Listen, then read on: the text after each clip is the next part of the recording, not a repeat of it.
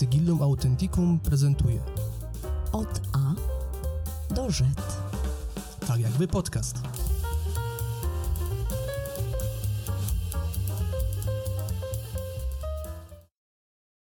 I kolejny odcinek y, podcastu od A do Z. Dalej jestem w Warszawie, proszę Państwa. I ze mną, ze mną dalej jest Roman Żuchowicz, e, pracownik y, Wydziału Historycznego Uniwersytetu Warszawskiego. I teraz powiem tylko tyle, starożytnik. Tak, chyba, tak. Jeszcze. Jeszcze, już. Tak. Zawsze trudno tak. I tak, i właśnie- Kim się jest, takim się bywa, jakim się było. Tak, i właśnie oddzielając trochę może już tą Wielką Lechię i te różne takie problemy, o których rozmawialiśmy w poprzednim odcinku, do którego oczywiście odsłamy wszystkich tych, którzy jeszcze... Nie są zmęczeni tak jak my tym tematem? Tak, żeby posłuchali. Natomiast e, chciałbym z Tobą właśnie na temat, mm, porozmawiać na temat starożytności jako takiej, ponieważ jest to epoka, z którą mam bardzo duży problem. To znaczy, e, odkąd pamiętam, nie lubiłem, nienawidziłem tej epoki, w ogóle jej nie rozumiem. E, co- może ja przejmę pałeczkę. Dlaczego?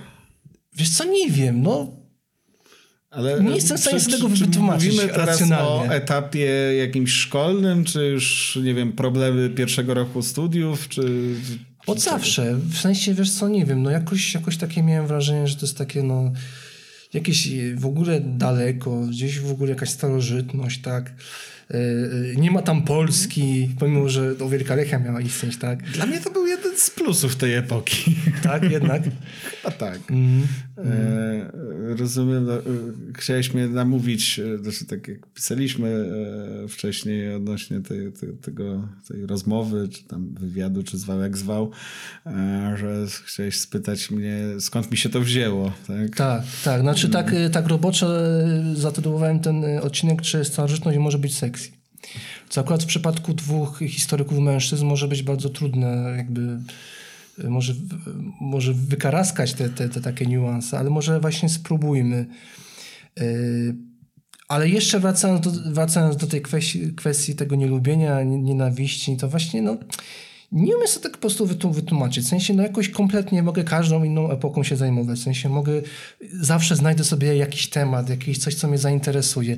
A w przypadku starożytności cały czas mam ten, ten problem, że właściwie oprócz tej wielkiej leki, to właśnie nie umiem sobie gdzieś tam właśnie znaleźć takiego czegoś, co, co by mnie jakoś zainteresowało. Ja wiem, że to jest jakby wynik też jakby moich jakichś takich ograniczeń intelektualnych na pewno, bo przecież jak pewno za chwilę powiesz, yy, yy, że tak, no tak naprawdę wszystko się wtedy zaczęło, tak? I, e, i, i jakby i mam nadzieję, że tym podcastem gdzieś przywróci, przywrócimy, czy może bardziej przywrócimy w mojej głowie e, no jakieś, jakieś takie pozytywne jednak konotacje związane z tą epoką.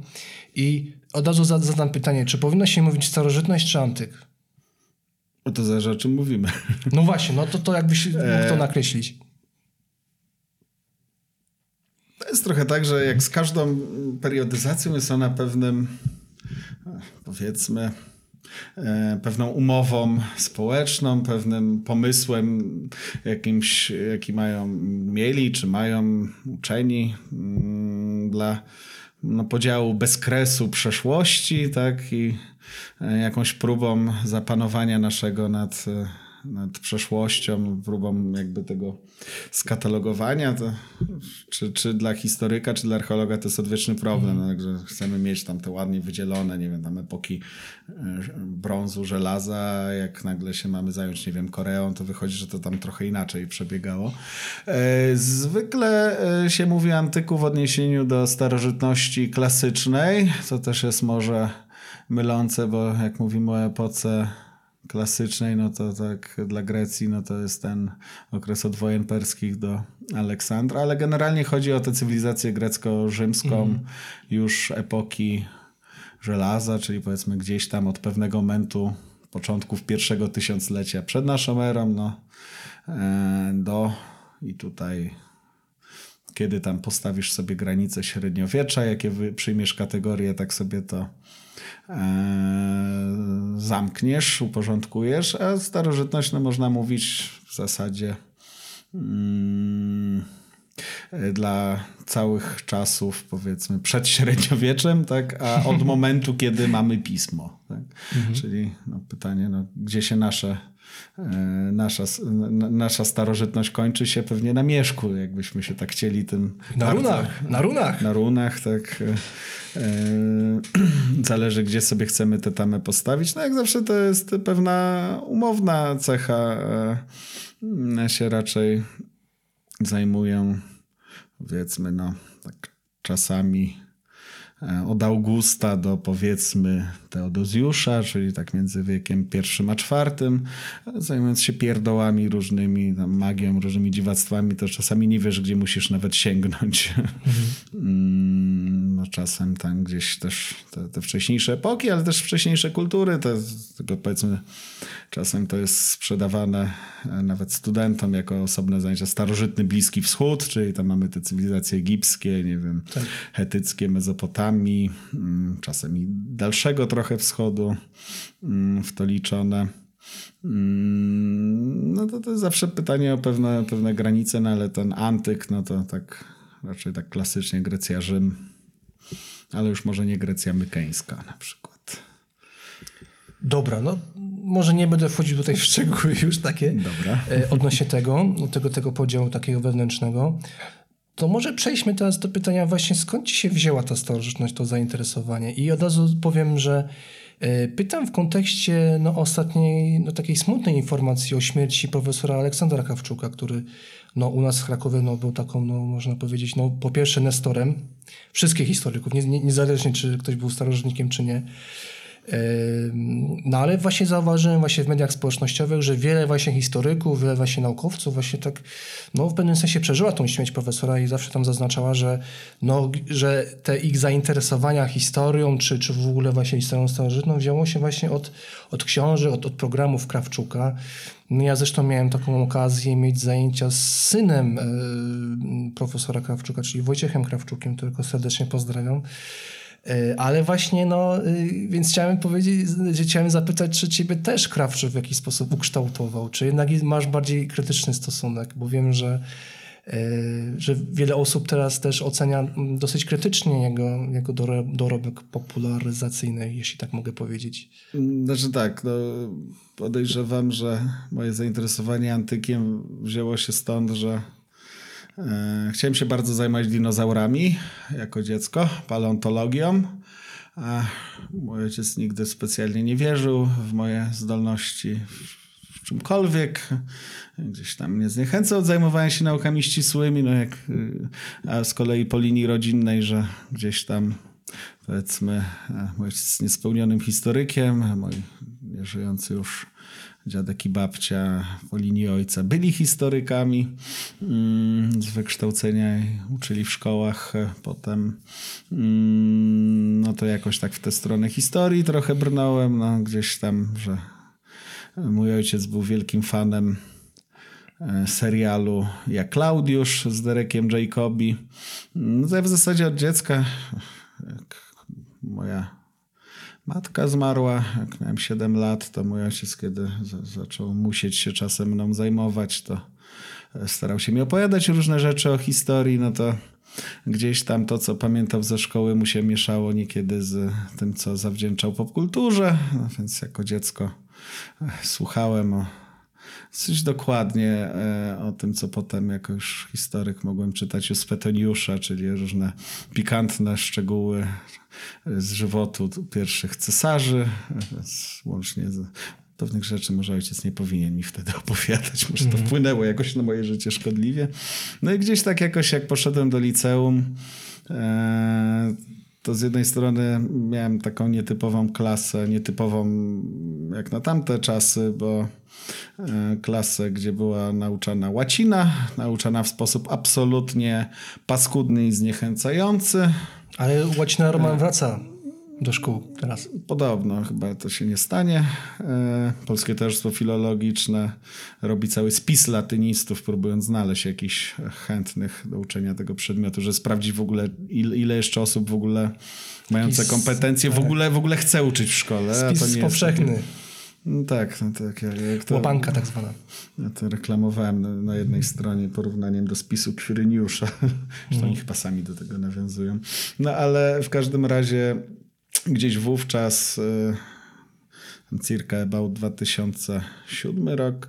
Też y, telewizja Puls albo któraś inna y, wówczas jakby na nowo emitowała tenże serial. On był w Polsce wielkim hitem chyba jakoś tak właśnie w latach 80., chyba jest z końca 70., no, z wielką rolą Dereka Jacobiego jako cesarza Klau- Klaudiusza.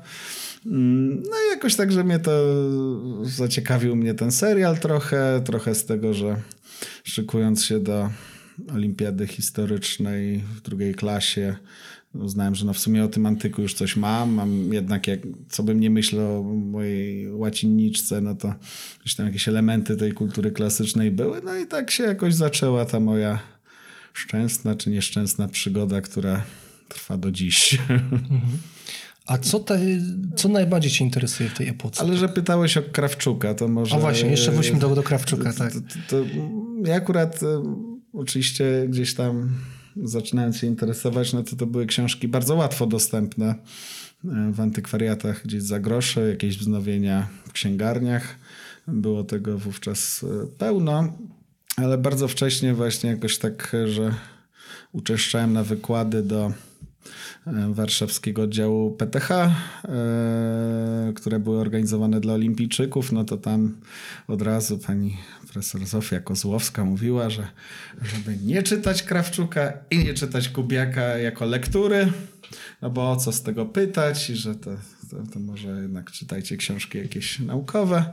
Eee, też bardzo wcześnie gdzieś tam do mnie docierały różne echa. No, nie wiem, czy małej sympatii, no czasem to nie tłumaczyli zazdrością, a czasem bardzo słusznymi zarzutami do jego publikacji. No. Jednak e, Krawczuk, no to przede wszystkim tak gdzieś dla pokolenia mojego ojca był na pewno ważnym popularyzatorem historii w tych powiedzmy czasach e, późniejszego PRL-u. Wykonywał w tym dobrą, może czasem gorszą robotę. A, No, skoro ludzie przez niego trafiali e, do, na studia historyczne, no to pod tym względem pewnie dobrą. Tak, e, tam nie wchodzę w różne gdzieś tam krążące zarzuty, których nikt jakoś nigdy też wobec jego pracy odnośnie plagiatów czy, czy autoplagiatów, nikt tego jakoś systematycznie nie zebrał, ja tego nie zrobiłem. To gdzieś tam jakaś opinia, gdzieś tam tajemnica Poliszynela, tak, która krąży wokół tych niektórych jego książek chodzi. A to pole, pole, poleciłbyś w takim razie te książki Krawczuka dzisiaj, czy, czy raczej nie? Ciekawym, że książki na pewno e, są nierówne. Siłą rzeczy to jakby miał pisać też o każdym, każdej części epoki starożytnej, to, to wiadomo, że siłą rzeczy tam te bliższe jego naukowym gdzieś e, zainteresowania były lepsze. No, e, z ciekawością zajrzałem znalazłem gdzieś tam na YouTubie, nie wiem legalnie czy nie, e, zamieszczone, kt- zamieszczone są niektóre odcinki tego programu, który on też w telewizji zrobił, który miał może większą wagę niż książki e, dla popularyzacji, tak, e, no to tak powiem szczerze, że tak niektórych rzeczy słuchałem z pewnym zdumieniem i przerażeniem. A to może wynikało na, na przykład z czegoś takiego, że e, bo rozumiem, że ten program był, program był nagrywany jakieś 40 lat temu. To może po prostu badania jeszcze nie były takie wtedy rozwinięte, czy... W tym zakresie myślę, że to było, były rzeczy tak trochę chlapnięte po prostu.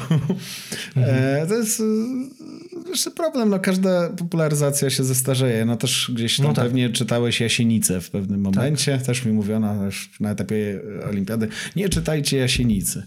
E, I pamiętam, miałem też z tym potem takie, mm, taką przygodę, że wylosowałem jakieś pytanie jako biedny licealista.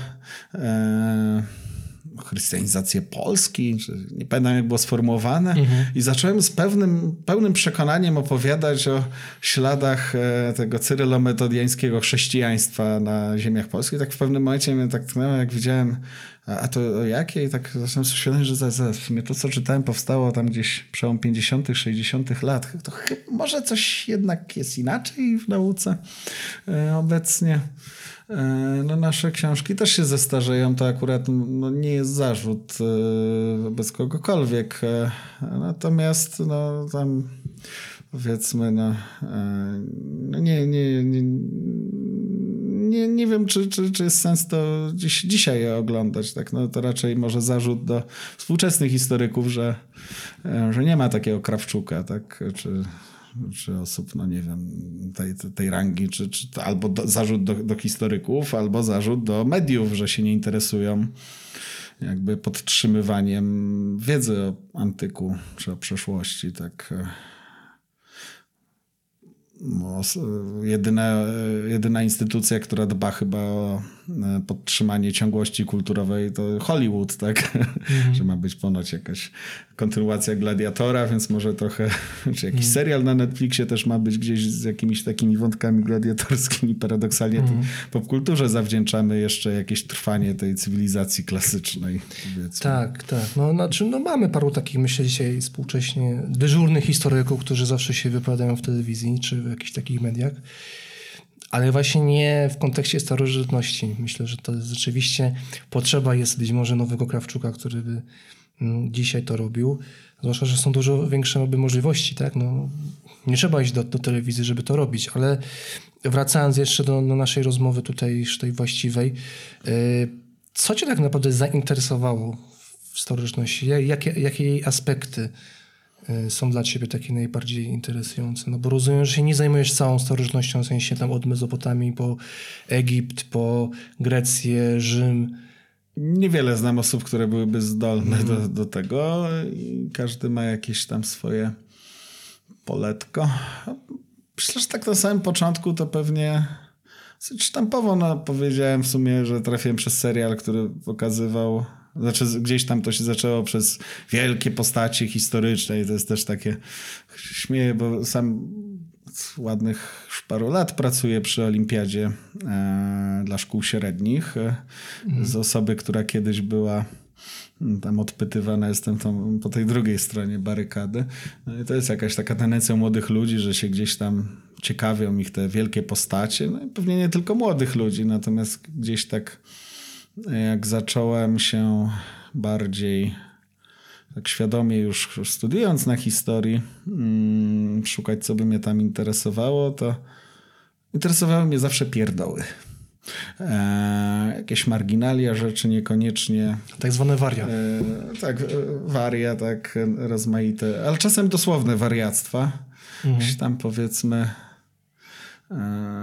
zaczyna, znaczy zawsze mnie też interesowała historia badań skądinąd, ale no powiedzmy, że e, tam, nie wiem, magisterkę pisałem o paleniu książek, e, doktora to samo spaleniach, takie rzeczy, które może nam się mniej kojarzą z epoką starożytną niż podboje Juliusza Cezara albo nie wiem, tam Hannibal przekraczający Alpy. Mm, w ogóle to też e, sposób uprawiania historii starożytnej e, w, powiedzmy w moim ośrodku jest też taki, że czasem jest nawet szokujący dla studentów pierwszego roku, e, że jak przychodzimy na, przychodzą na zajęcia, to dostają Homera do czytania. Jakieś mhm. na, to akurat prowadziłem ćwiczenia dla studentów zaocznych, to pewna studentka nie wytrzymała i zaczęła krzyczeć, ale nie jestem na lekcji polskiego, dlaczego my czytamy poezję? E, bo nie, mhm. najwyraźniej popełniłem jakiś błąd, e, niedostatecznie może wówczas tłumacząc tej grupie, dlaczego czytamy Homera jako źródło historyczne i co, dlaczego historyk ma czytać poe, poezję też czasem, czasem musi. Ale u nas w naszym ośrodku no niewiele chyba uczonych z mojego zakładu e, zajmuje się taką stricte historią polityczną w chwili obecnej. Mm, dużo osób się zajmuje czymś bardziej może jakąś taką antropologią antyku, jakimiś właśnie zagadnieniami typu właśnie kobiety w starożytności, magia. Mój mistrz i nauczyciel profesor Janiszewski E, zajmuje się polemikami religijnymi, w późnym antyku magią, tego typu rzeczami. No, obok bardziej może takich e, normalnych badań e, nad po prostu historiografią późnoantyczną.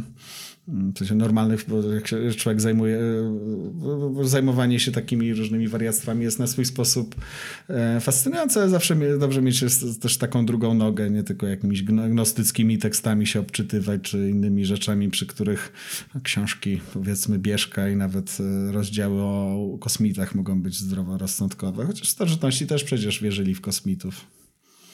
Czyli jakby w historii wszystko już było.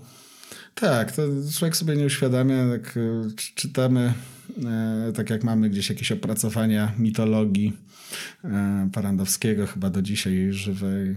Się zaczytywałem, mając, pamiętam do dzisiaj, że czytałem w czasie ferii u dziadka mm, gdzieś tam wieczorami tę książkę, ale no, nikt mi nie powiedział, że nie powiedział mi tego Parandowski, że na przykład Lew Nemejski był kosmitą. I to dosłownym, e, który spadł na ziemię z księżyca. Tego typu rzeczy są w źródłach starożytnych, pewne spekulacje. No właśnie te, mhm.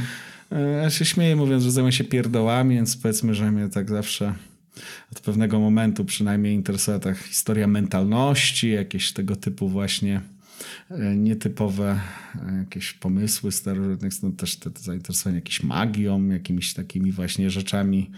No te samospalenia to trochę jest takie pogranicze, bo trudno to nazwać działalnością stricte religijną, trochę może filozofia, trochę, trochę topika źródeł historycznych, zależnie który przypadek by, byśmy wzięli na warsztat.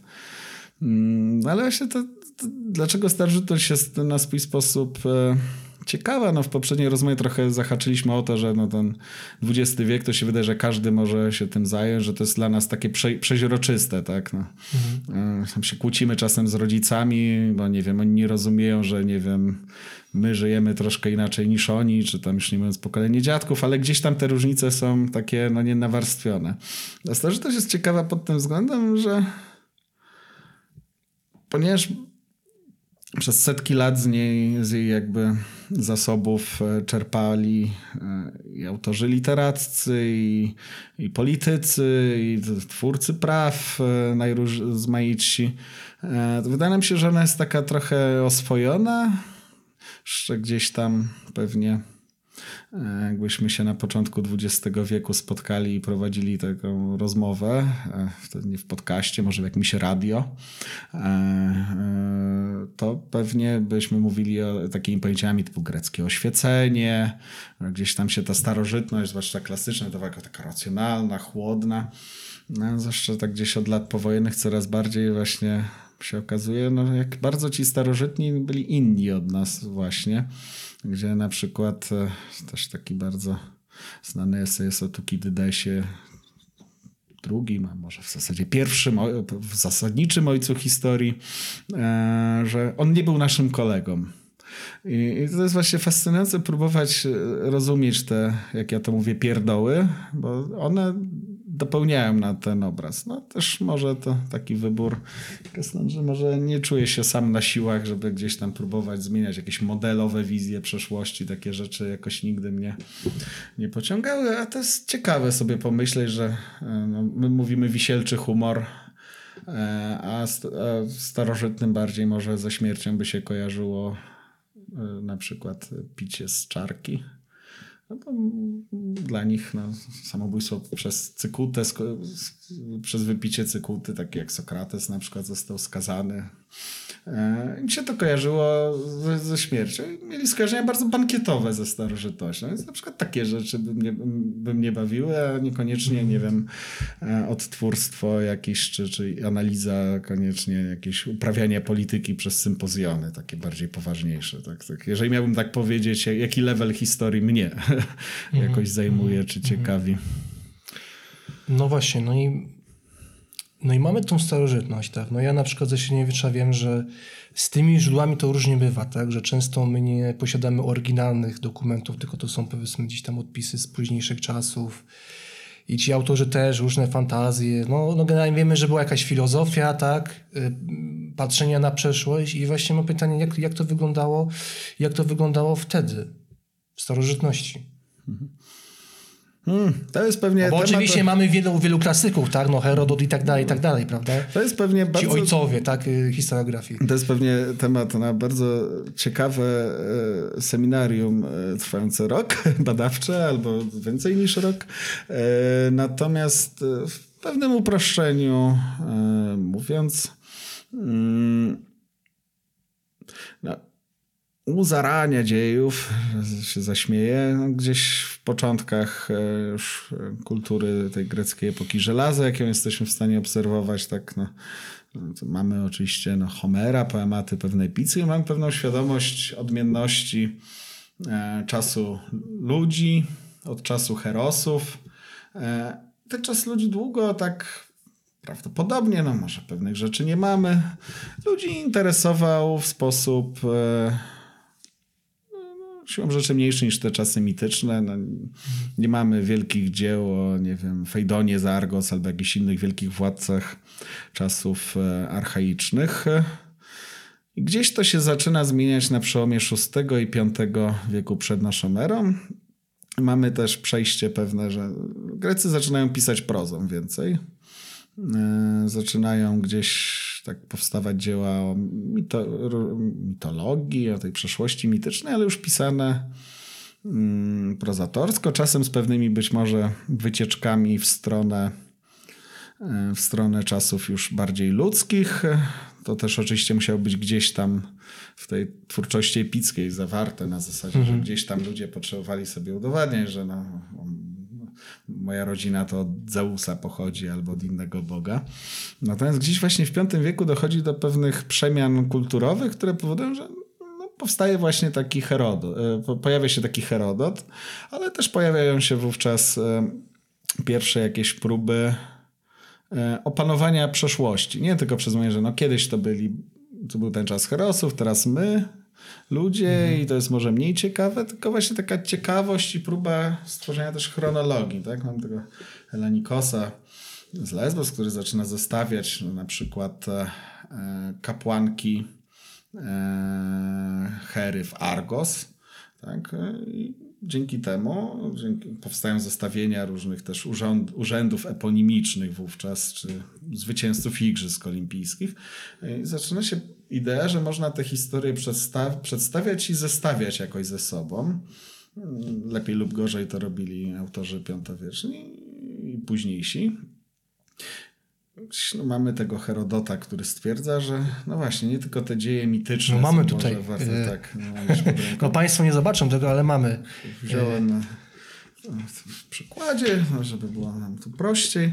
E, No i Herodot takiego, jak się otworzy go dzieje, no to, to się zaczyna bardzo ładnie. Herodot z Halikarnasu przedstawia tu wyniki swych badań, żeby ani dzieje ludzkie z biegiem czasu nie zatarły się w pamięci, ani wielkie i godne, wielkie i podziwu godne dzieła, jakich bądź Hellenowie, bądź barbarzyńcy dokonali, nie przebrzmiały bez echa, między innymi szczególnie wyjaśniając, dlaczego oni nawzajem ze sobą wojowali. No i tak, e, co jest z tym ważne? No pojawia się idea właśnie tego badania, tak, że przeszłość jest czymś, co można, no właśnie historia to jest badanie, tak, to też jest tak ciekawostka, pewna świadomość może Herodota, że, e, że on zbadał i wyszło mu tak, że to jest w pewien sposób autorskie, tak, że ilu ludzi, tyle wyjdzie może historii, bo na co innego zwrócą uwagę.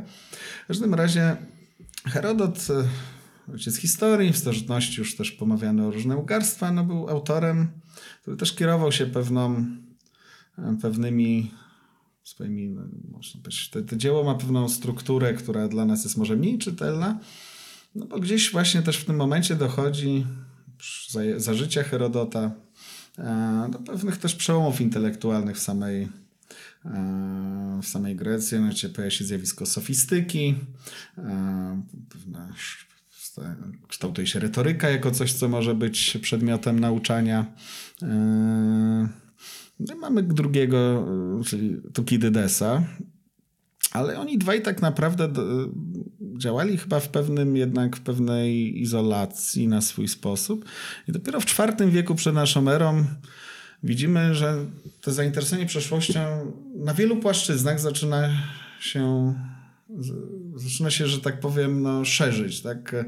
Że mamy nagle autorów, którzy stwierdzają, że tego Tukidydesa, którego według pewnej anegdoty, nie wiemy czy to prawda, Ksenofont, inny, kolejny wielki historyk, miał znaleźć jego dzieło i opublikować i za pewną cnotę mu przychodzi to, że nie podpisał tego swoim imieniem, tylko no jednak uznał, że no, wyda Tukidydesa jako Tukidydesa.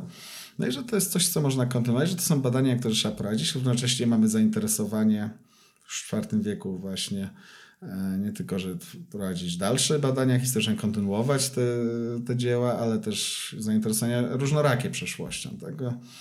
E, mianowicie no, mamy badania nad genezą na przykład miast, tak, mamy w Atenach różnych attydografów, mamy badania nad nie wiem, historią teatru ateńskiego. No, no wszystko potem od epoki helenistycznej zacznie się rozwijać innym tempem. E, no ale właśnie, mówiłem o historykach. No jakim jest historyk starożytny? starożytny tak? no, powinien być politykiem i, dobrym retorem w jednym. Tak? No, sam Tukidydes historykiem był, bo miał kopalnię złota. Czasem można sobie żartować. Czyli co, ten... tak po prostu dorabiał, w sensie takim, że nie, nie no, dorabiał, no, mógł sobie, miał, mógł miał sobie czas. Tworzyć, mógł sobie tworzyć, tak. Jakby miał kopalnię złota, to już pewnie habilitację bym kończył. Mm. w każdym razie... Piękne czasy dla historyków. Tak, no był też powiedzmy poza Atenami przez sporą część wojny peloponeskiej e, z więc e, sobie tworzył. E, w każdym razie to jest pewien taki pomysł, że właśnie no, historia jest, bardzo długo go traktowano na przykład Kidylesa jako takiego chłodnego racjonalisty i właśnie wspomniałem, że jest taki esej naukowy, że Tukidydes nie był naszym kolegą. Stosował on pewne metody, które my stosujemy, ale nie do końca konsekwentnie i może czasem bardzo długo w XIX-wiecznej na przykład nauce pomijano to, co było jakby czystą literaturą w jego dziele. No więc tak naprawdę historycy z jednej strony uprawiają badania, Tukidydes potrafi skrytykować te e, przekonania Mm, Ateńczyków o własnej przeszłości, tak, e, że, Harm, że Aristogeiton i Harmodios wcale nie obalili tyranii w Atenach, jak, jak to się Ateńczykom wydaje. Potrafi poddać pewnej krytyce tradycje wokół wojny, e, wojny trojańskiej, uznając, że nie, nie, nie, no to, to, to jakaś tam mała wojenka. Teraz to my się fajnie biliśmy w tej wojnie peloponeskiej. Mhm. Ale na przykład trochę tak przeaczane długo było to, że w sumie mowy są piękną ale jednak kreacją Tukidydesa, że samo dzieło ma pewną strukturę, no oczywiście jest niedokończone. E, Tukidydes nie zdążył go skończyć, e, ale w założeniu miało być taką miało być podobne do tragedii, tak, tylko tragedii Aten, tak, opowiadać pewne dzieje upadku e, ateńskiej arche, ateńskiego imperium. Mm, no jakby ten wzór, e, pewne właśnie te cechy powiedzmy pozytywne z naszego punktu widzenia jako współczesnych historyków Tukidydesa, pewne metody, które on potrafił, nie wiem, sięgnięcie po, po źródła bezpośrednie uczestników wydarzeń, które, którzy, czy po sięganie po inskrypcje, żeby zweryfikować pewne tradycje. Wbrew pozorom historycy w starożytności robili to bardzo rzadko. Eee, Czyli starał się weryfikować informacje. kiedy starał się, ale też na ile to, jest, to robił konsekwentnie. A na pewno wielu historyków później no, raczej rzadko to robili.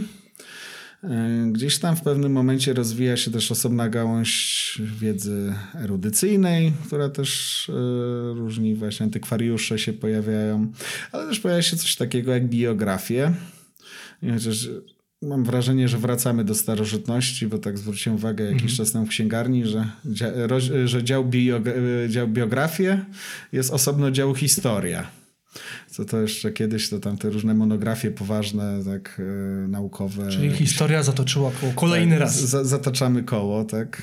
E, no, no, z kolei biografiści byli związani zupełnie innymi pewnymi, zupełnie innymi kategoriami, tak. Biografia ma być, sama historia ma być e, pewną nauką, tak, ma nieść pewne praktyczne tak, skutki, no to Kidydes zakładał, że jego jego dzieła. No, przyniosą pewną korzyść. No do dzisiaj Tukidydes jest gdzieś tam analizowany przez jakichś teoretyków polityki, nawet przy okazji no, wojny, mm, którą Rosja wywołała w ubiegłym roku, no to znowu były artykuły wszędzie pułapka Tukidydesa, tak, tak analizowano różne jego poglądy do tego, jak wojna gdzieś tam na obrzeżach prowadzi do globalnego konfliktu.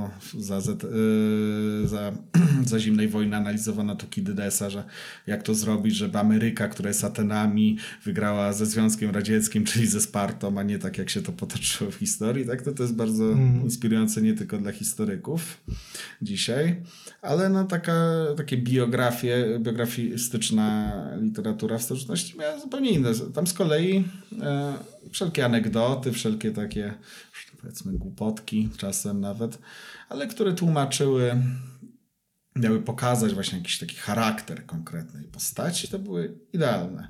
E, Plutarch e, w żywocie Solona, e, znając pewną tradycję historyczną spotkania tegoż ateńskiego polityka, reformatora mm, z Krezusem, władcą Lidii, on stwierdza, no ja wiem, no ja wiem, no to, to, są tak, no twierdzą, że no nie spotkali się, że to niemożliwe chronologicznie, ale to jest tak piękne, to jest tak dobre, że ja o tym opowiem. E, więc nawet pewna świadomość a historyczności tegoż spotkania nie przeszkadzała autorowi biografii. On akurat, Plutarch akurat jest mm. na tyle uprzejmy, że nam o tym mówi, tak, ale coś pasuje nam, czy nawet można stworzyć tak E, sobie jakąś anegdotę, ale jak będzie do pewnej kompozycji życiorysu danej postaci pasować, to czemu by nie? No i to dochodzimy do tego, że i historyk, i biografista, i autorzy pomniejszych gatunków, które, na które my patrzymy jako na stricte historyczne z naszego punktu widzenia. Antyku no, ci autorzy byli też w pewien sposób, no, za, znaczy zawsze byli albo zwykle wykształconymi w retoryce jest pewna topika opos, opisów, tak, no, zresztą jakby każdy, jakbyś teraz miał opowiedzieć, jak wygląda bitwa średniowieczna z zamkniętymi oczami, to już tam pewnie powiedział, tam konie tam pędzą, tumult, piach się unosi. Bóg tam, rodzica. Krzyczą, tak, jakieś krzyki tutaj, nie? E, są pewne schematy, tak, które oni wtłaczają w swoje dzieła, bo te dzieła miały być też przede wszystkim ładne. No dobra, ale powiedz mi, czy na przykład y, w starożytności występowało coś takiego jak pseudonaukowcy? W ich na przykład rozumieniu wtedy? Pseudohistorycy. Tak, to pseudohistorycy nawet. Bardziej. Jest, no, jest takie urocze dziełko Lukiana z Samosat. Jesteśmy w drugim wieku naszej ery. Lukian no, mm, był e, z najwybitniejszych retorów e, greckich w ogóle, bardzo też złośliwą postacią. E, PiS obśmiewał różne głupoty, wady swoich współczesnych. E, I tenże Lukian kiedyś postanowił też napisać dzieło, jak należy pisać historię. I była to reakcja bardzo taka mm, trochę interwencyjna, jak nasza z wielkimi lechitami mianowicie mm, po czasach względnego pokoju e, Imperium Rzymskie musiało się zmierzyć po raz pierwszy od dawna z jakimś poważniejszym konfliktem zbrojnym. Mm, no i mamy na początku panowania Marka Aureliusza, wtedy też z, współrządził z, e, z Werusem, e, swoim przybranym bratem. No i mamy wojnę z Partami. E, no i to trochę dochodzi do takiej sytuacji, no może nie jak z Wielką Lechią, a trochę jak ze współczesną geopolityką, że teraz e, tak jak zdaniem mm, Historia dzieje się na naszych oczach. Trochę tak, na zasadzie, że e, każdy został geopolitykiem w ciągu ostatniego roku, tak, tak, wszyscy się na wszystkim znają, nieważne jakie mają do tego pretensje. No i Lukian obśmiewa ludzi, którzy w jego czasach w reakcji na tę wojnę zaczęli nagle uprawiać historię. E, I czasem e, dzieła, które on e, obśmiewa, którzy sądzili, że on w ogóle to wszystko pozmyślał, są niekiedy przezabawne i pokazują pewne metody pracy. Tak wspominałem, że historycy to też dobrzy retorzy. Wspominałem o Tukidydesie, tak, który w V wieku napisywał te walki mm, Aten i ich sprzymierzeńców z, ze Spartanami i z sprzymierzeńcami. Mamy nagle dzieła, które opowiadają o wojnie rzymsko-partyjskiej, tylko opowiadają rzeczy po prostu ko kosmicznie odjechane. Tak? Jakby tak zestawić, to tam Lukian podaje różne przypadki autorów, którzy wręcz piszą dzieła futurologiczne o przyszłych już zwycięstwach Rzymian, że tam Rzymianie założą miasto, już wymyśla jak naz nazwą te miasto po zwycięstwie gdzieś tam w dalekiej Persji. Ale też na przykład opowiada, to jest może pewien, e, pewien przykład tego, jak e, dobra retoryka historyczna była potem poniekąd Mm, niekiedy stawała się parodią, mianowicie opowiada, tutaj mamy e, przykład takiego historyka, który zagorzały naśladowca Tukidydesa rozpoczął od swego imienia. Początek pełen niezwykłego wdzięku i pachnący attyckim tymiankiem. Tutaj nawiązuje do tego, że jesteśmy w czasach, kiedy Greka mówiona różni się od greki takiej, jak używają ludzie wykształceni. Jest moda na attycyzm, E, czyli mm, trochę tak jakby, jakbyśmy my dzisiaj rozmawiając na poważne, po, poważne tematy e, mieli mówić powiedzmy na jakimś kochanowskim, tak językiem, nie wiem, renesansowym polskim. A to nawet jest e, jeszcze większy mm, odstęp czasu, no bo wypadało pisać tak i, i przemawiać osobom wykształconym jak w czasach no właśnie w V-IV wieku przed naszą erą i to w dialekcie właśnie attyckim, ateńskim powiedzmy no, dla uproszczenia. No i pan ów historyk e, obśmiewany przez Lukiana mówił tak. Crepereius Calpurnianus Pompeiopolis opisał wojnę Partów i Rzymian, przedstawiając jak wojowali ze sobą, a zaczął pisać od razu na jej początku. Eee, to jest dokładnie przepisany Tukidydes, tylko zmienione, zmienione imię, zmieniona wojna. No i Lukian dalej naśmiewa, jak to się wszystko powtarza. Może rzeczywiście historia zatacza koło. No i tak, po cóż ci mówić o reszcie po takim początku, o mowach wygłoszonych do ludu w Armenii, w których wziął sobie na pomoc samego korkyrejskiego mówcę, o zarazie, którą sprowadził na mieszkańców Nisibis za to, że nie stali po stronie Rzymian. Cały jej opis bez reszty zaczerpnął z Tukidydesa, opuszczając jedynie Pelasgikon i długie mury, w których obrębie mieszkali podówczas dotknięci zarazą. Zresztą zaraza zaczęła się szerzyć także od Etiopii.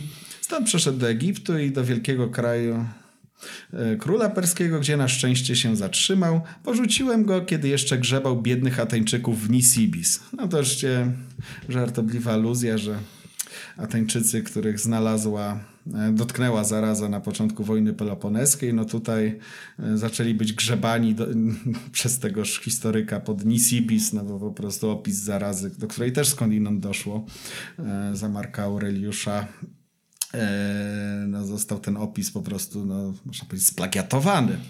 E, no, i dalej wyśmiała też różnych historyków, którzy na przykład z swojej wielkiej uczoności no, słyszeli, hmm, chciałbym to znaleźć, to nie będzie takie szybkie, ale na ile pamiętam, e, to są takie zabawy jak na przykład, że E, Lukian wyśmiewa, że ktoś nie rozumiał, że jest jakiś oddział e, mający e, smoki na proporcjach, więc tam u tych historyków, któregoś z tych złych historyków, to dosłownie Persowie na smokach atakują Rzymian, jeśli dobrze pamię pamiętam. Albo jest nagle opis jakiegoś takiego historyka, który Dzisiaj może byśmy się z kogoś takiego nie śmieli, który był po prostu jakimś weteranem i zaczął zapisywać jakąś swoją historię, że tam kogoś spotkał i nagle coś, co dla dla nas, którzy jesteśmy przyzwyczajeni, że gdzieś tam na jakimś etapie czytamy jakieś wspomnienia, jakichś żołnierzy, weteranów, tak. jako źródło historyczne. Lukian to kompletnie obśmiewa, że ktoś się udaje, że jest historykiem, a nie ma ku temu kompetencji, nie umie ładnie i spójnie wyrazić tego, czym jest historia, tylko opisuje jakieś bzdury o tym, że kogoś spotkał w obozie, że gdzieś poszedł, że coś jadł. Lukiana to akurat śmieszyło i dla niego było e, pewnego rodzaju pseudohistorią. Yy, dobra. Ja jeszcze chciałem tak zapytać, może z punktu widzenia może bardziej warsztatowego, hmm. ale no bo zastanawiam się, no tak, no dobra, no tutaj nam podałeś e, dwa takie fajne, fajne e, źródła, One są, spi- znaczy one są przetłumaczone, jak, jak rozumiem, po, na, na, na polski. Natomiast no, no właśnie taki Herodot, no to są może trochę głupie pytania, ale, ale nie ma głup- głupich pytań podobno, więc, więc je zadam. Ale w jakim oni, w jakim języku oni pisali? No bo to była, rozumiem, jak, jak Herodot, to rozumiem Greka to była, tak? Tak, znaczy generalnie e, to jest, e, to, to jest e, jak wszystko to skomplikowane. Tak. Jako wszystkim można powiedzieć. Generalnie no, od pewnego momentu, znaczy jak mówimy o czasach od wczesnego cesarstwa, gdzieś tak zaczyna gdzieś ta moda w pierwszym wieku naszej ery, już jest w rozkwicie w drugim to już na pewno. No, generalnie ludzie wykształceni piszą e, po attycku. To taki- Czyli? Co to znaczy? Czyli to jest, e, trochę już to wspomniałem, dialekt, jakim mówiono w Atenach Mhm. w czasach e, Peryklesa, trochę później.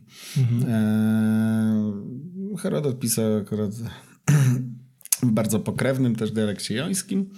E, I no, generalnie to też jest tak, że historycy od pewnego momentu uznano, że powinni pisać właśnie na akurat pattycku. E, głównie.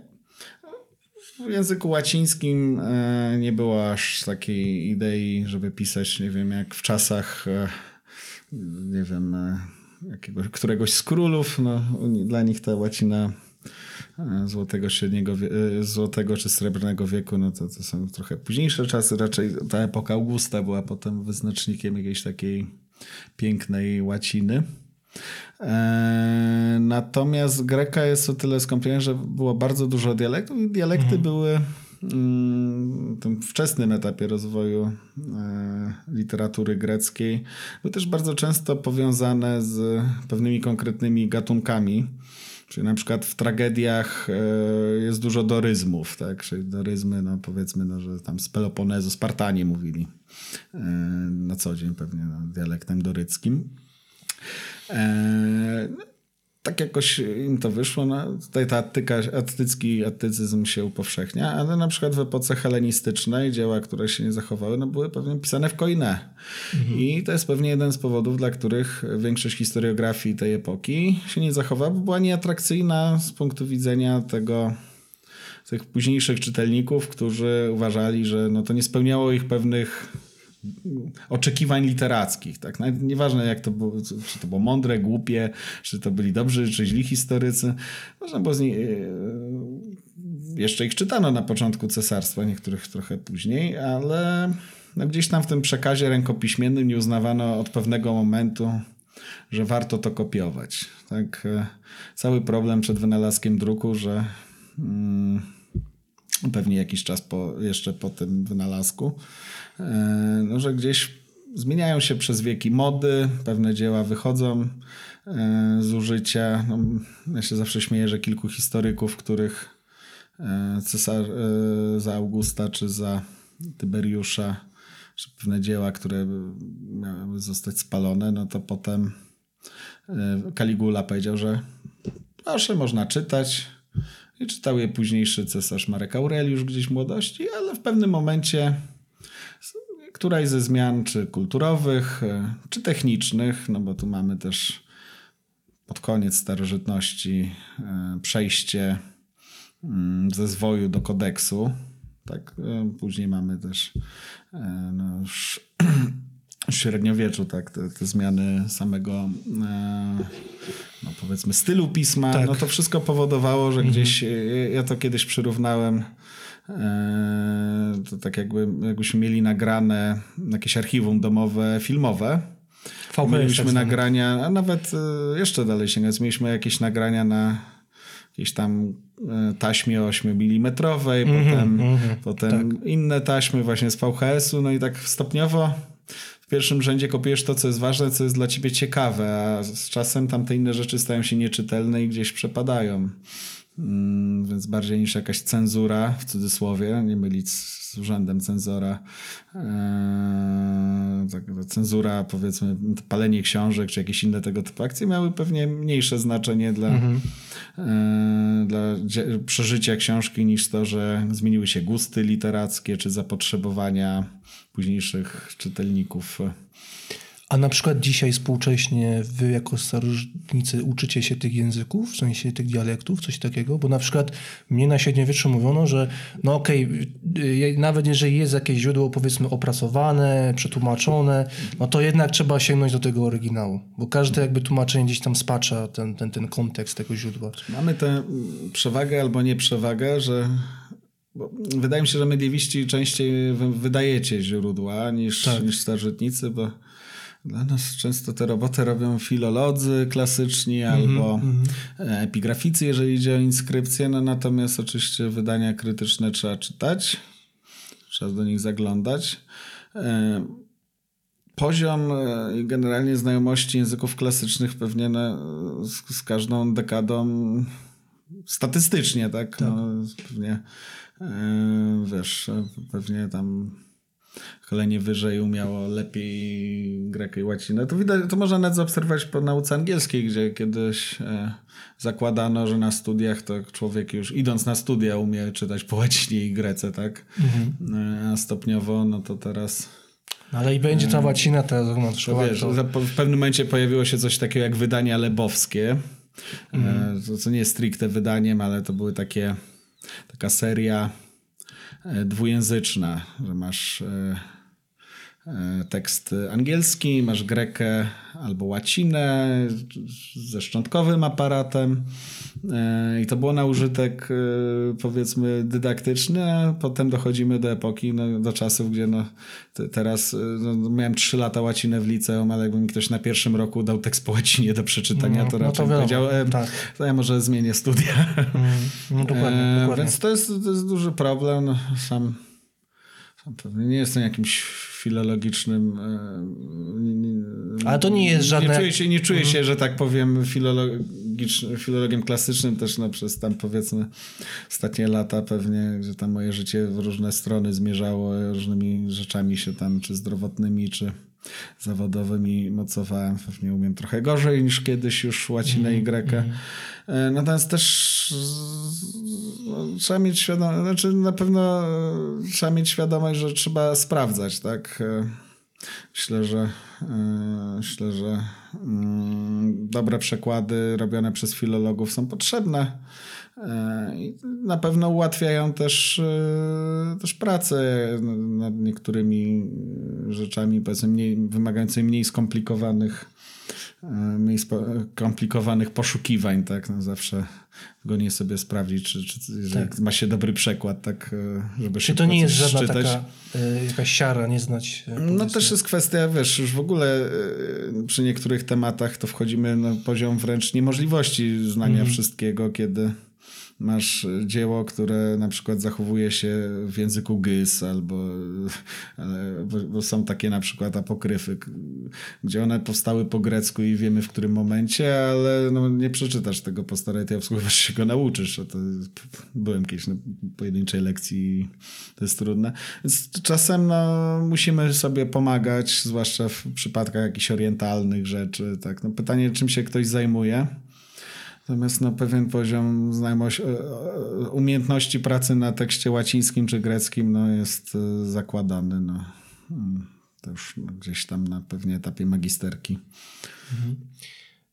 Dobra, to teraz trochę wróćmy na nasze tereny, bo chciałbym cię, Ciebie zapytać, bo często też przy okazji, znowuż może trochę o Wielkiej Lechii, ale często przy, przy tej wystawie powracało takie pytanie różnych osób, no jak to się stało, że to wielkie imperium rzymskie nie opanowało, nie przeszło na, na, na nasze dzisiejsze terytorium, tak? Czyli no powiedzmy, czemu nie istniała starożytna Polska, czemu nie ma prowincji, nie było takiej prowincji tutaj, czy co, co zaważyło, że Rzym jednak nie przyszedł na nasze tereny, no bo Roman, może to jest dowód jak, na, na to, że jednak bali się Lechitów może faktycznie, no nie wiem. Konkurowaliśmy z Wielką Irlandią, jak rozumiem. Tak, tak. E, więc jak, jak, czemu, czemu tak się stało? Czy, czy może to jest mit po prostu? Czy to jest, to jest tak zwane dobre pytanie, na które jest pewnie bardzo dużo różnych mhm. odpowiedzi. Można zacząć od e, wyjaśnień bardzo stricte mm, personalistycznych, że biedny, wspomniany już cesarz Marek Aureliusz, że mu się zmarło w 180 roku i e, jego mm, niezbyt udany syn Komodus e, stwierdził, że e, wracamy za Dunaj i zakończył w ten sposób Zmiana markomańskie. Tak, no, kiedy już Rzymianie sobie w Leugariko, czyli w dzisiejszym Tręczynie, tak sobie już obozowali Podobno Marek Aureliusz planował tam utworzyć prowincję, tak? To już jesteśmy bardzo blisko naszych granic tak. obecnych. A już na pewno w granicach Wielkiej Lechii. To wiesz, to Rzym w granicach Wielkiej Lechii to myślę, że się znajdował już w, jeszcze za Republiki Rzymskiej. Mm. tak. Lechia jest oczywiście niezmierna i myślę, że kwestią czasu jest, publik jest publi powstanie publikacji o Wielkiej Lechii przed Wielkim Wybuchem. Um, natomiast um, kluczowe jest zrozumienie chyba, czy inaczej, wyjaśnienia, bo jest ich pewnie dużo, e, które do mnie jakoś trafiają zwykle. Mm, zwykle skupiają się na pewnej logice wygaszenia e, ekspansji rzymskiej, generalnie do jakiej dochodzi w początkach cesarstwa. No, za Augusta mamy jeszcze spore przesunięcia granic, no, mamy tę próbę z Germanią, tak, e, co to się skończyło tym może nazbyt sławnym lasem teutoburskim. A z drugiej strony no, trzeba pamiętać, że też wtedy na Bałkanach znacząco Rzymianie przesuwają granice i być może właśnie pewne problemy, do jakich doszło z powstaniem w Ilirykum spowodowały, że Rzymianie tak no, tych po, podbojów nie pociągnęli dalej. Tak? No, tam, e, a pewne jakieś kalkulacje zadecydowały może, że że nie dokonali jednak ostatecznie rekonkwisty te, tej części Germanii, no, mm, z której byli zmuszeni się wycofać. E, no i właśnie, wyjaśnienie takie no, najbardziej przekonujące są takie, że podboje były największe Rzymian wtedy, kiedy był ten głód ziemi, tak, kiedy, ta, e, kiedy Rzymianie też e, gdzieś pewnie od samych początków IV wieku przed naszą erą, gdzieś jednak stworzyli pewien system, w którym podboje dawały zwykłym obywatelom też pewną szansę na wzbogacenie się i to stworzyło pewien mechanizm e, dalszych, podboj, dalszych podbojów i kiedy służyły pewnym wielkim wodzom to już u tego kresu republiki, tak, no, gdzie tam Cezar zdobywał sławę tak w Galii, Pompejusz na wschodzie, trzeci z triumvirów e, Krasus też próbował zdobyć sławę na wschodzie, nie, nie najlepiej się to dla niego skończyło. A kiedy, yy, kiedy po wojnach domowych yy, zaczyna się cesarstwo, to August jest bardzo, bardzo E, tak e, z pewnym niepokojem patrzę, jak zwłaszcza osoby nie bezpośrednio z nim związane, zależne, próbują prowadzić jakieś, jakieś ekspansje, no mamy tam próby Krassusa w, gdzieś powiedzmy na mhm. terenach dzisiejszej Dacji i te podboje po czasach Augusta były troszkę takie przypadkowe. No, wspomniany przeze mnie Klaudiusz tak stwierdza, że wyprawił się na Brytanię, tak e, mamy trochę powiększeń granic imperium poprzez zwykłe aneksje yy, różnych wasalnych yy, państw. Ale nie mamy jakiegoś takiego jednolitego planu dalszych, podbojów. No trochę tam Trajan próbował z tym podbojem Dacji na północy tę północną granicę przesuwać, a tak naprawdę, znaczy inaczej, gdy, wiedzą współczesną o tym, jak się potoczyły dzieje rzymskie i generalnie olbrzymią dysproporcją między siłą Rzymian a barbarzyństwem, to można by założyć, że w zasadzie to był jakiś błąd, że nie oparli granicy na Uralu. Tak? Mhm. Gdzieś tam jednak ta polityka pewnej ostrożności wobec podbojów, e, też jak mieliśmy jakichś bardziej wojowniczych cesarzy, no to no, Trajan podbił Dację, ale najbardziej to, go, to, to żałował już pod koniec życia, że no nie dotarł aż do Indii. Tak? No tutaj pewne wzorce kulturowe, które kazały widzieć jednak większą atrakcyjność jakichś podbojów gdzieś tam właśnie naśladujących te dokonywane przez Aleksandra powodowały, że jakieś takie mniej lub bardziej nieudane próby Rzymianie czynili, ale właśnie na wschodzie. Tak. Druga rzecz, no to tam, gdzie Rzymianie e, najlepiej się odnajdywali, no to, to jednak to cywilizacja miejska, tak, e, tutaj w Barbarikum Mm, trochę tak to nie wyglądało. Może to był jakiś problem, też to pewne bariery kulturowe. Tam Tacyt się śmieje, znaczy śmiejemy się z Tacyta, że tak próbuje usprawiedliwić, no, że Germania to, to tam e, to taki tam teren, to nie warto. Germanie są autochtonami, bo nie było warto, bo nikt by tam przecież nie przypłynął z własnej woli. E, gdzieś, gdzieś to pewnie, mm, pewnie wpływało na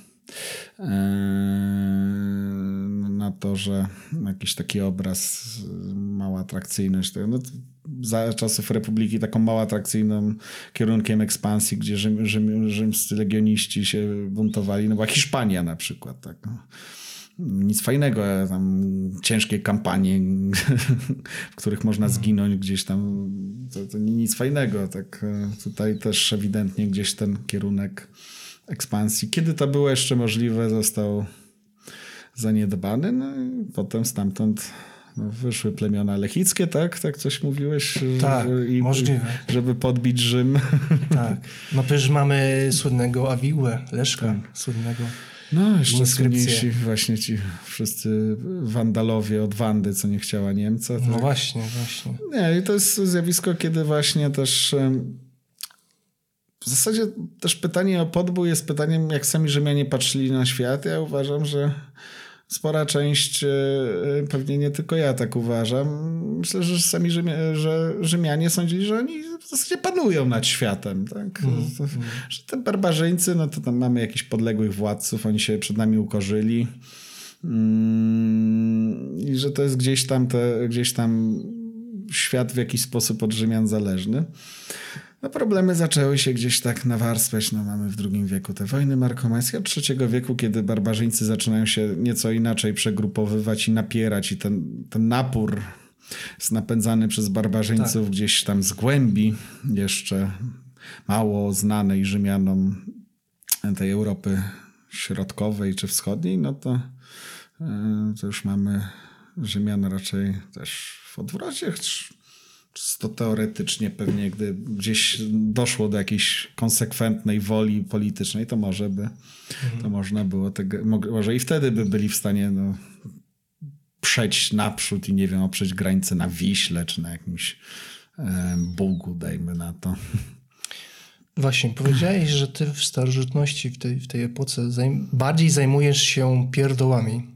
No używam takiej formuły. Nie, a dlaczego? A, Używamy bardzo dobra. Historyk pierdół. O, na przykład historia e, pierdół. Taka, taka książka. Ja myślę, że, że to, by, to by poszło. Ale właśnie zajmuję się tymi różnymi takimi pierdołami, jak, jak to nazywasz. I, i, I znalazłem taką właśnie informację. E, zresztą też o tym troszeczkę powiedziałeś, że ty jakby w swoim doktoracie, jeżeli tak mogę powiedzieć, zajmujesz się tak zwanym samospaleniem.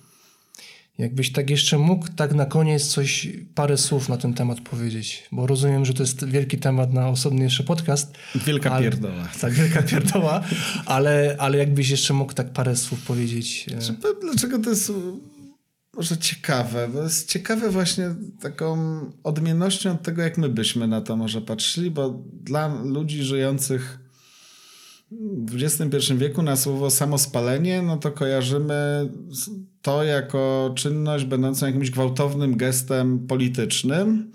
Nawet jeżeli gdzieś tam są, rozumiem, w świecie buddyjskim e, za tymi gestami politycznymi pewne elementy religijne, e, no to jednak to jest jak wielki sprzeciw polityczny. W starożytności jest to trochę inaczej. I jest to temat o tyle też zabawny, że ciekawy warsztatowo, bo e, ja chciałem się zająć przypadkami konkretnymi, które mamy, znamy z czasów cesarstwa. Nie jest ich znowu dużo. E, pomijając pewne, do tym może na koniec, e, przypadki topiczne. Mm, jest to o tyle też wdzięczne, bo wówczas już pewien dyskurs, pewna pewna pula skojarzeń, jaka istniała w, w cywilizacji mm, klasycznej tak. wokół tego czynu, mhm. istniała. to może w skrócie mamy z jednej strony w jeszcze najdawniejszej przeszłości jakiś mityczny Heraklesa, który dokonał samospalenia.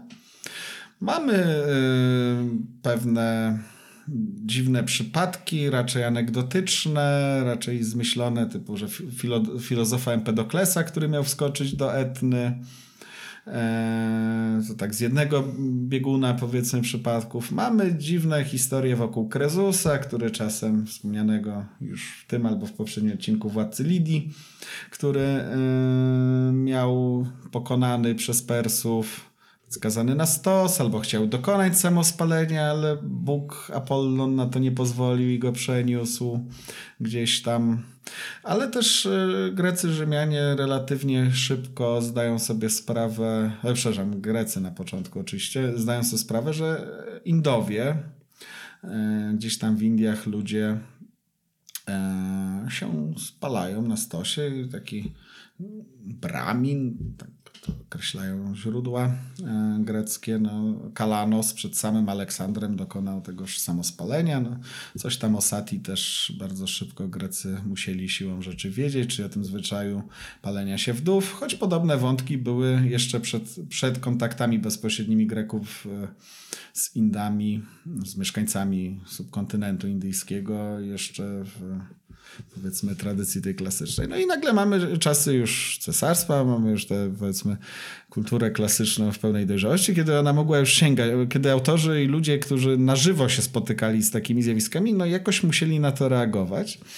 I mamy przypadki fascynujące, dla mnie przynajmniej, e, człowieka że on się nazywał Zarmanohegas, tam chyba jest to imię zepsute w rękopisach, e, czy, czy Zarmaros, e, człowieka z Barygazy, to takie miasto w Indiach, e, który przyby, jest członkiem poselstwa do cesarza Augusta, któryż to człowiek przed tymże cesarzem dokonuje aktu samospalenia.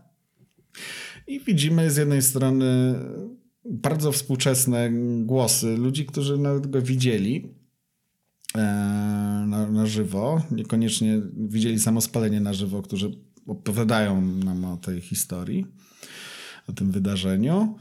Mamy jakieś poświadczenie niezbyt dokładne napisu, jaki mu wystawiono na grobie.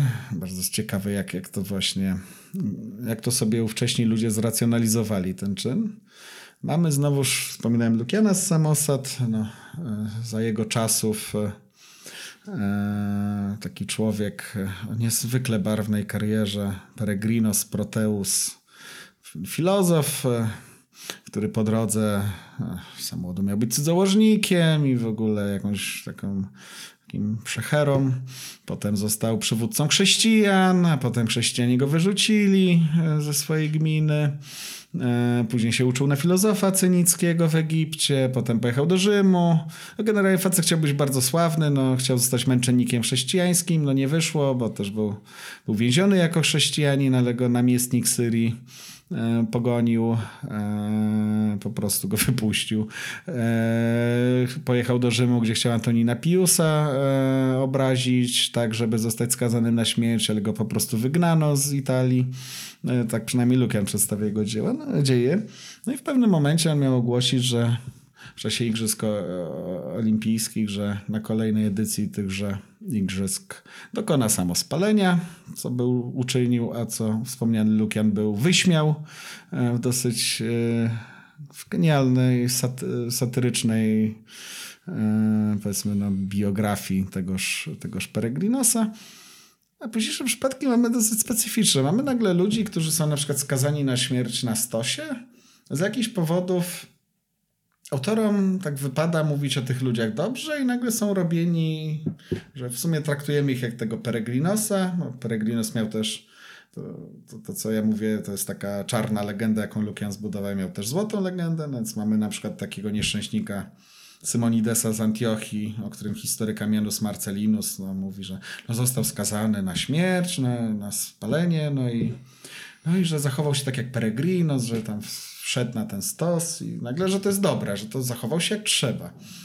I, i chrześcijanie tak samo robili z niektórymi swoimi męczennikami albo męczennicami, że te ich, te ich śmierci były troszkę tak właśnie uwznieślane przez jakieś takie skojarzenia z tym jakby pozytywnym wzorcem cnoty, jaki pokazywali bramini. To jest no, ciekawy pomysł, e, pokazują no, ciekawe, e, ciekawa trochę gra już literacka wokół pewnych przykładów, e, nie do końca może już, które stricte byśmy nazwali samospaleniem, czy jakimś takim dobrowolnym samobójstwem. No i mamy wreszcie topos, czyli w pewnych momentach ludzie stwierdzają, że to jest jedyny fajny pomysł, albo jedyne, co można zrobić, to się spalić, czy przez rzucenie do się. Zwykle to jest właśnie gdzieś tak pokłosie jakieś dalekie echa tych jakichś historyjek o Krezusie, że no, przegrany wódz barbarzyńców, no to może albo przegrany jakiś uzurpator, no to może powinien się rzucić gdzieś do ognia, albo jacyś oblegani mieszkańcy miasta w rozpaczy się rzucają. Są na przykład takie mam e, takie opisy no, zdobycia Jerozolimy przez wojska Tytusa, że tam się ludzie w ogień płonącej świątyni rzucają, czy na przykład no, no bodajże Bodajże to u Jordanesa jest taki opis, że,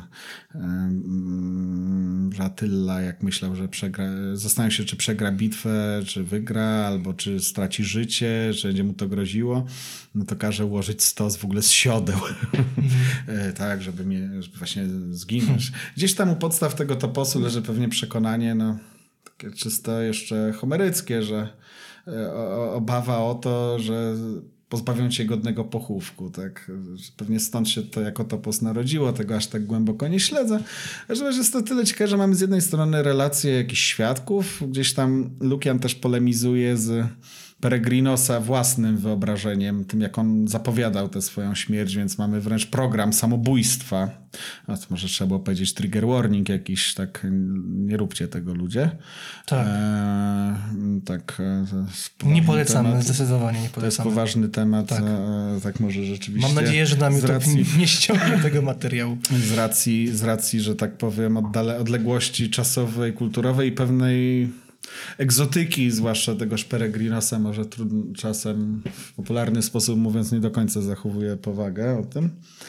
E, no ale jest to ciekawe, ciekawe badawczo. Mamy tutaj z jednej strony też właśnie takie postrzeganie innej kultury, no bo jak patrzono na tych Hindów, mm, powiedzmy Hindusów może, e, jak e, w jaki sposób właśnie tam patrzono na tego filozofa, na, jak, na czym on sobie budował swoje przekonanie, bo tak w zasadzie to Lukian się z niego śmieje, no my się śmiejemy za Lukianem, ale patrząc po inne źródła, które gdzieś tam go wzmiankują, to inni uważają, że to był poważny filozof.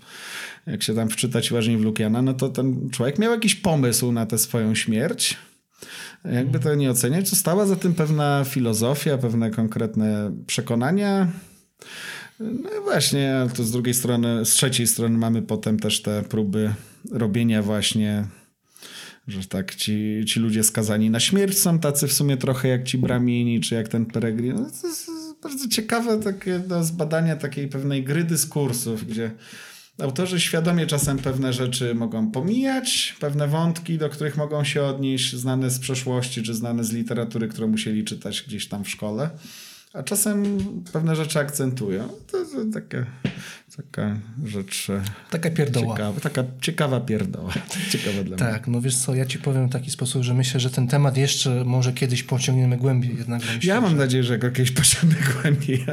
To już ten, ten czas, y, ile go się za mną ten temat ciągnie, to jest już dosyć e, długi, więc może by się to kiedyś skończyło.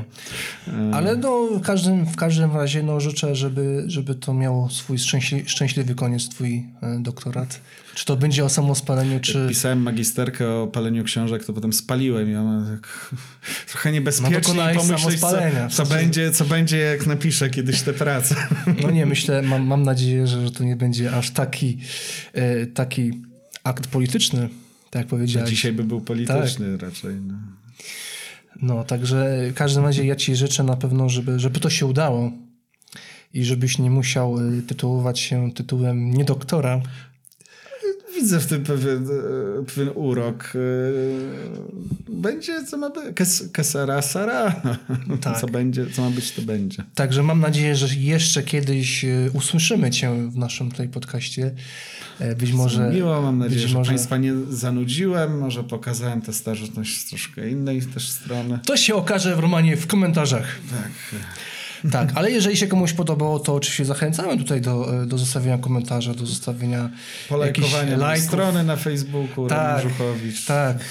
Kupna książki, jeżeli ktoś jeszcze ją znajdzie, a jeżeli nie, to jest, jest dostępna w formie cyfrowej. E, także tutaj jak, jak najbardziej reklama jest jakby tutaj na miejscu. Także Romanie, bardzo Ci dziękuję za Bardzo rozmowę. dziękuję Państwu. Miłego wieczoru, poranka albo kiedy Państwo słuchają. Dziękuję.